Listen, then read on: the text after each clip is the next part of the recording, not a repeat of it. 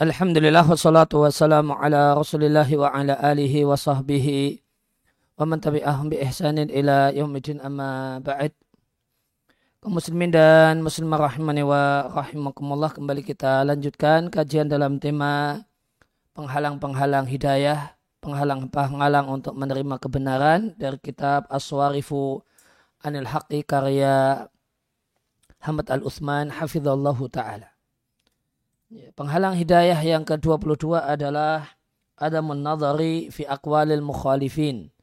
Tidak mau mentelaah, memperhatikan dan mencermati pendapat pihak lain yang berbeda. Dikarenakan kebatilan itu la la yumkinu tidaklah mungkin memiliki landasan dalil yang sahih.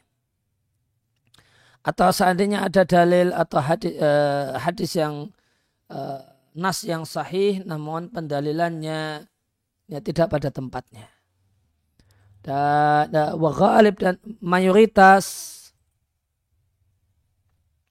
praktek keagamaan banyak orang adalah warisan yang mereka warisi dari nenek moyangnya, dari pendahulunya.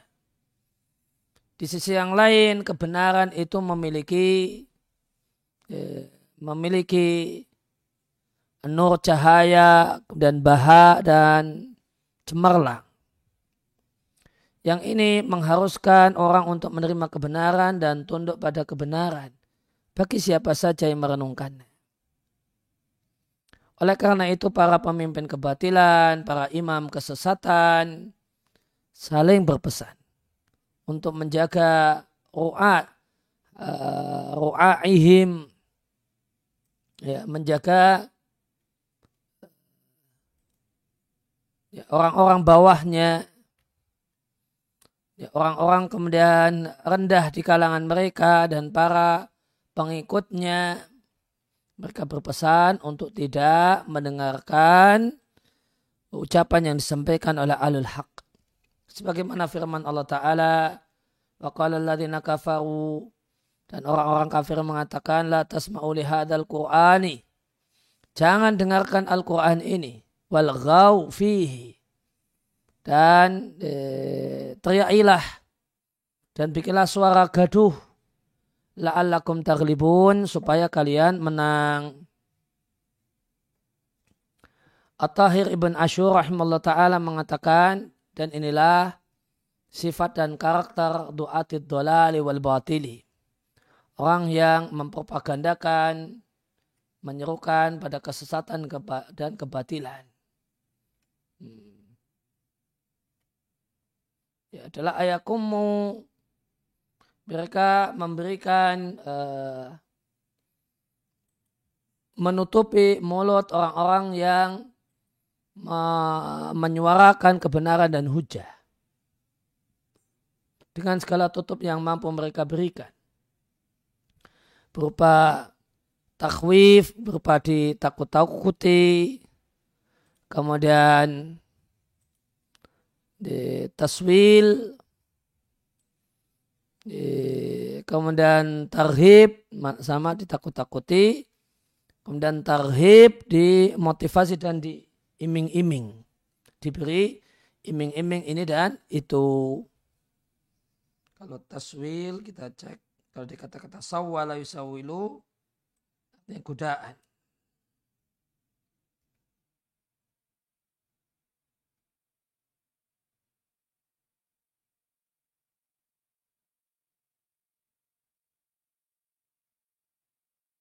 ya arrahu diiming-iming diberi iming-iming. Taswil sama dengan tarhib diberi iming-iming. Dan mereka tidak membiarkan manusia saling berdebat bil hujah dengan membawakan hujah. Wa yataraja'una bil adillati dan saling menyanggah dengan dalil. Karena mereka yakin bahwasanya hujah lawan mereka itu lebih bangkit, lebih tegak fahum maka mereka eh, menutupi hujah tersebut dan dan menolaknya tidak dengan yang semisal. Namun bil asalib dengan gaya-gaya bahasa minal buhtan, kebohongan, watadlil, dan penyesatan. Dan jika mereka kesusahan untuk memiliki trik, dan mereka melihat eh, bahwa rikol haqqi ya, mereka melihat demikian bercahayanya kebenaran ya, dan mereka melihat bahasanya terangnya kebenaran itu berkibar. Khosyau mereka khawatir. Cahaya kebenaran itu akan menerangi banyak orang. Itulah orang-orang yang ada pada diri mereka sisa-sisa kebaikan dan keba dan petunjuk. Maka oleh karena itu mereka berbela ila larwil kaul pada perkataan yang sia-sia mereka kemudian meniup trompet Allahu kata-kata yang sia-sia kemudian jak-ja'ah la'allahum supaya mereka bisa memenangkan hal tersebut. Dengan hal tersebut mereka bisa mengalahkan uh, argumentasi kebenaran. Uh, mereka berusaha untuk menutupi perkataan yang baik berlarui dengan kata-kata yang sia-sia. Wakadzalika dan demikianlah ya, keadaan mereka. Kata kata ja'ah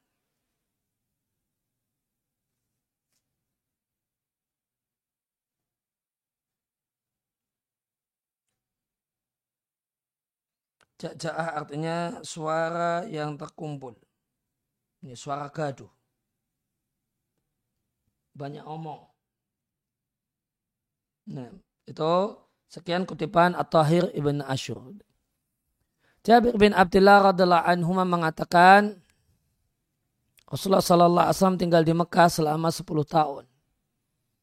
Nabi mendatangi manusia mendatangi orang-orang di rumah-rumah mereka atau uh, di tenda-tenda mereka yang ada di pasar Ukas dan pasar Majinah.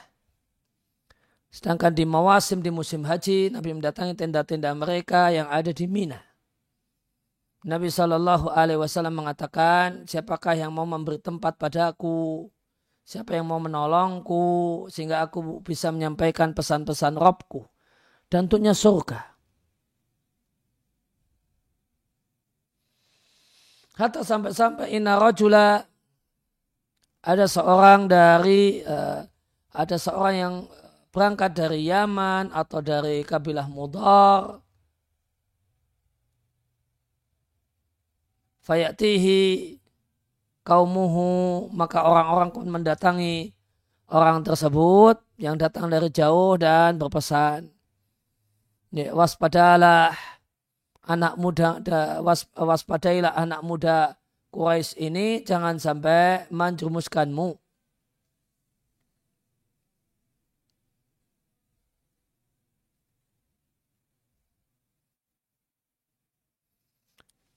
Demikian dalam hadis yang diatkan oleh Imam Ahmad ya, dari Jabir.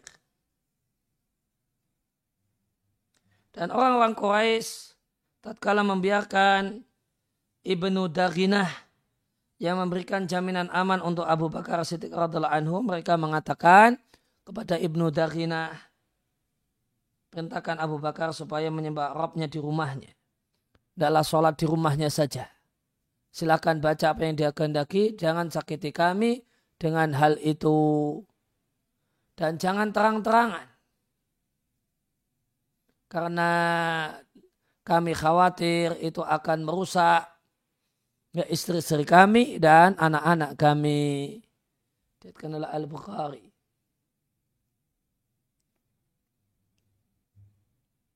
Maka siapa yang tumbuh besar di atas satu pendapat dan dia tidak mengetahui pendapat yang lain. Bagaimanakah mungkin dia bisa mengetahui mengetahui kebatilan apa yang dipegangi. Lebih-lebih lagi bisa merenungkan berbagai macam pandangan-pandangan yang lain. Fidau'i masabata ingdahu. Dengan perspektif pengetahuan yang dia miliki. Ibnu Taimiyah rahimahullah taala mengatakan di antara manusia ada orang yang tidak mengetahui pendapat-pendapat ulama. Waqad nasya'a dan dia tumbuh besar sejak kecil di atas satu pendapat dan dia tidak mengenali pendapat yang lain. Sekian kutipan. Namun ah, ini satu penjelasan yang sangat penting. Motivasi untuk mentelaah pendapat pihak yang berbeda ini tidak berlaku mutlak. Inama huwa hanyalah motivasi untuk mentelaah fi akwaliman pendapat orang-orang yang telah dikenal sebagai orang yang membersamai Alkitab dan Sunnah.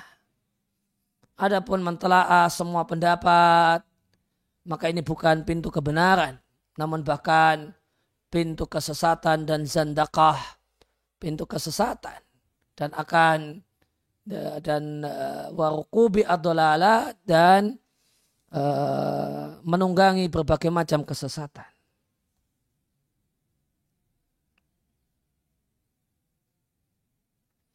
Warukubu hadal amri. Dan menunggangi hal ini yaitu mentelaah pendapat-pendapat yang berbeda. Dalam bahasa di medsos sekarang ini disebut dengan uh, pikniknya piknik yang jauh. Orang yang kurang wawasan disebut pikniknya kurang jauh. Orang yang tahu berbagai macam pendapat-pendapat yang lain kemudian disebut dengan piknik yang jauh. Piknik yang jauh itu hati-hati siapa yang piknik dalam tanda kutip piknik ilmiah jauh-jauh namun mujazafatan asal-asalan maka ini telah menjatuhkan banyak orang ke dalam kesesatan. Dan minimal bahayanya adalah buang-buang waktu yang tidak ada manfaat di balik hal itu. Ditambah ini adalah usaha untuk uh, memberikan modal pada hati. Maka membaca buku-buku ahlul batil tidaklah boleh dilakukan kecuali oleh orang yang berilmu yang kokoh dalam kebenaran dan mengetahui rusaknya pendapat-pendapat ahli batil dan tahu jalan untuk membatalkan hawa nafsu mereka atau membantah pandangan-pandangan mereka. Ya, maka di antara bentuk mengetahui pendapat orang yang berbeda dalam tanda kutip piknik yang jauh adalah membaca eh, buku berbagai macam pandangan dan aliran. Namun kalau aliran itu aliran sesat, ya maka tidak boleh uh, membaca kecuali orang yang kokoh ilmunya, kemudian tujuannya adalah untuk memberikan bantahan dan sanggahan. Bukan sekedar penasaran dan ingin tahu. Sedangkan membaca buku-buku yang bermasalah yang dilakukan oleh orang awam atau penuntut ilmu pemula dan itu ala sabilil fudul sebagai bentuk uh, hiburan yeah karena penasaran ingin tahu la ala sabil rat bukan untuk membantah mereka maka ini tidak boleh dan uh, dampaknya besar. Jadi boleh dengan dua syarat. Pembacanya adalah alimun rasikhun fil haqi. Kemudian yang kedua ala sabil rat. Tujuannya adalah untuk memberikan sanggahan dengan tulisan, dengan buku atau dalam ceramah. Abu Nasr al-Sijzi rahimahullah ta'ala mengatakan adapun orang awam dan pemula maka jalan yang manfaat untuk mereka adalah tidak mendengarkan orang yang berbeda dan tidak mendebat orang yang berbeda karena jika keduanya mendengarkan orang yang berbeda atau mendebatnya maka dikhawatirkan taklijir cepat invital lepas ajilan lambat tergelincir secara cepat atau pada nanti pada akhirnya akan lepas. Syekhul Islam Taimiyah rahimahullah taala eh, wal maksudu intinya buku ulama kalam itu bisa diambil manfaat manfaatnya sebagian mereka menyanggah yang lain. Di antara ulama kalam adalah Mu'tazilah dan Asy'ariyah. Bisa diambil manfaat sanggahan Asy'ariyah terhadap Mu'tazilah. Wada ilaihi dan ini satu hal yang tidaklah dibutuhkan oleh orang yang tidak memiliki kebutuhan menyangga pendapat dan akidah yang batil.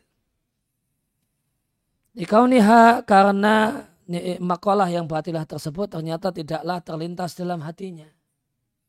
Dan tidak ada orang yang berbicara kepadanya menyampaikan hal itu. Wala yutali'i kitaban hiya fihi.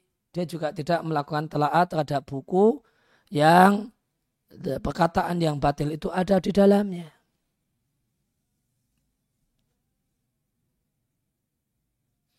Walayan tafi bihi dan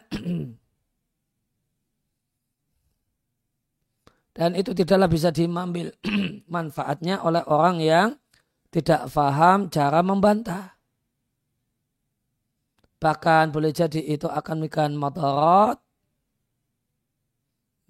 untuk orang yang mengetahui dalih namun tidak mengetahui sisi kerusakannya.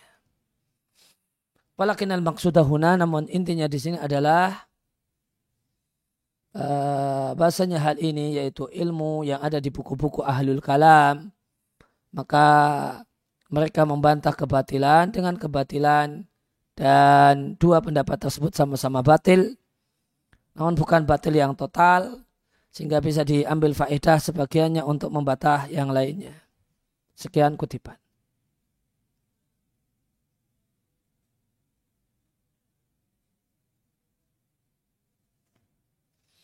eh, wahada dan ini adalah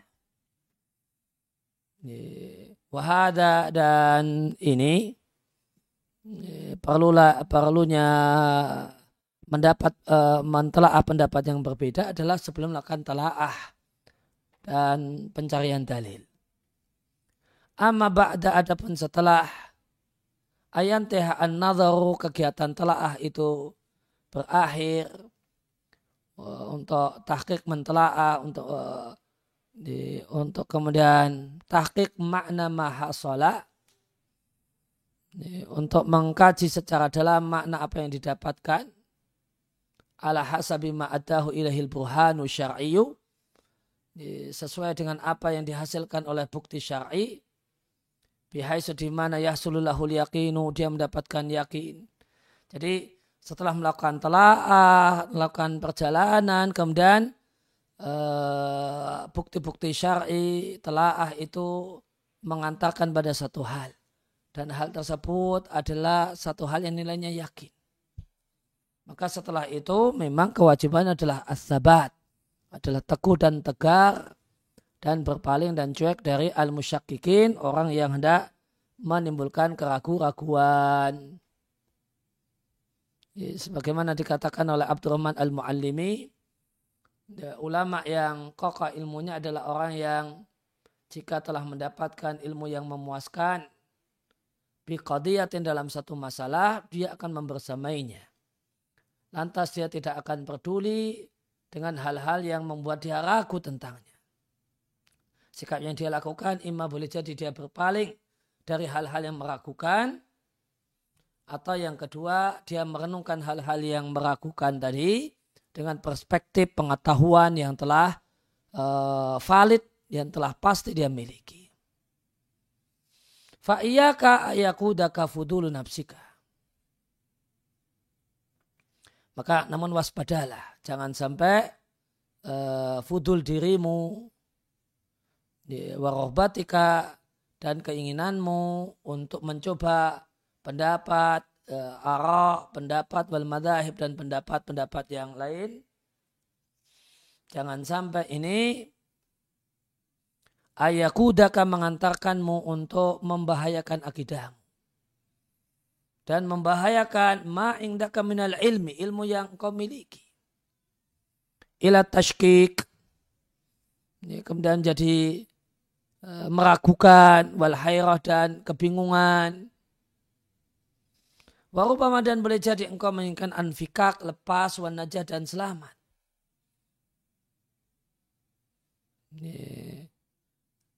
Dan selamat.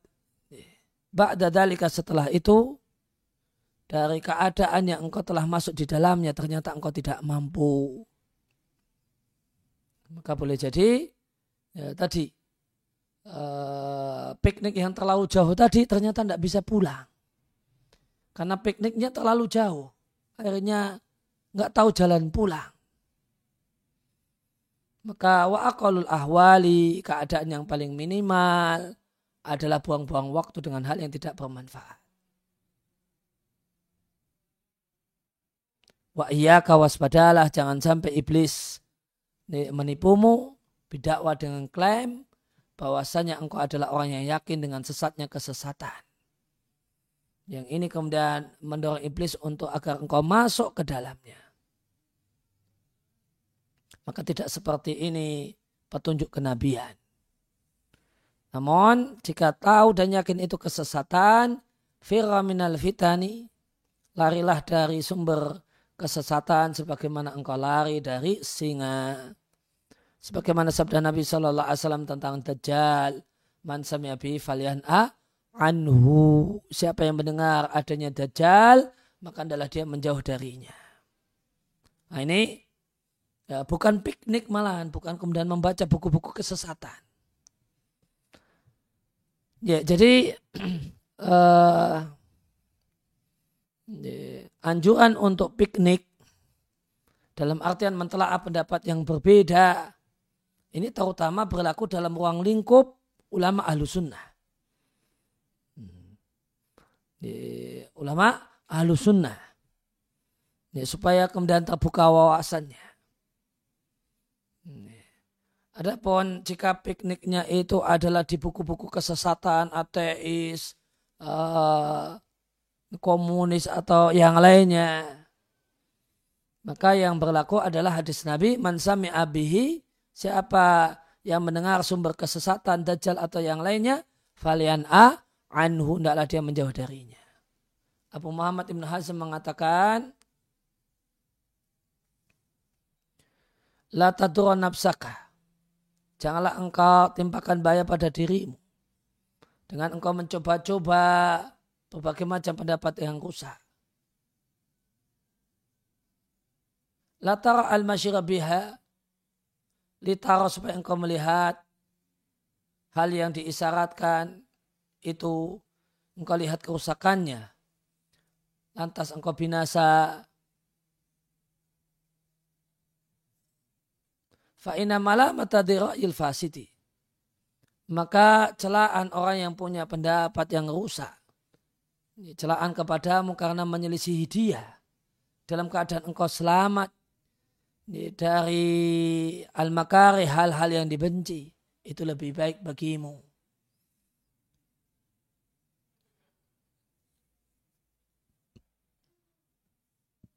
Itu lebih baik bagimu min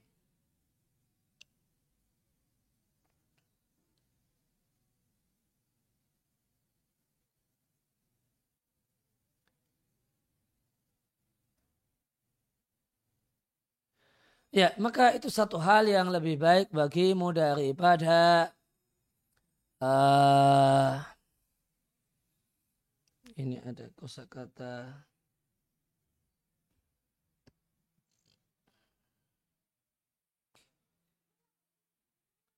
ayakdarik ayakdiruka. Ya dia orang yang punya pendapat yang rusak tersebut. Itu ayo kadiruka mungkin menghargaimu. Uh, wayandamu. Kilakuma. Dan engkau berdua menyesal karenanya wa anta qad hasalta minal makariha dan engkau telah mendapatkan berbagai hal engkau telah mendapatkan berbagai hal yang tidak disukai Ya, maka intinya di antara sebab kenapa orang sesat bertahan pada kesesatannya karena mereka tidak mau mentelaah versi ahlu sunnah, versi ahlul haq. Maka mereka ahlul batil itu kita sarankan untuk untuk dalam kurung uh, amba piknik ke buku-buku ahlul haq. Adapun ahlul hak, apakah dianjur, apakah kemudian boleh piknik ke ahlul batil? Buku-buku ahlul batil jawabannya hadis tentang masalah dajjal. Siapa yang mendengar kebatilan menjauh, jangan bukan mendekat. Dan, dan dalam hal ini mentelaah pendapat yang berbeda berlaku untuk sesama ulama ahlu sunnah supaya terbuka wawasannya. Bahasanya ada banyak varian, ada banyak pandangan. Ini di tengah-tengah ahlul haq, di tengah-tengah ahlu sunnah. Itu ada banyak varian dan ada banyak pandangan. Ya, boleh saja uh, jalan-jalan ke kitab-kitab ahlul batil dengan dua syarat. Ya, yang melakukan telaah dan pembacaan adalah orang yang telah kokoh ilmunya dalam kebenaran. Kemudian yang kedua tujuannya adalah untuk memberikan sanggahan dan bantahan bukan hanya sekedar penasaran dan uh, penasaran dan ingin tahu. Demikian. Wassalamualaikum warahmatullahi wabarakatuh. Wa rabbil alamin. Ya subhanakallahumma bihamdika asyhadu an la ilaha illa anta astaghfiruka wa atubu ilaik.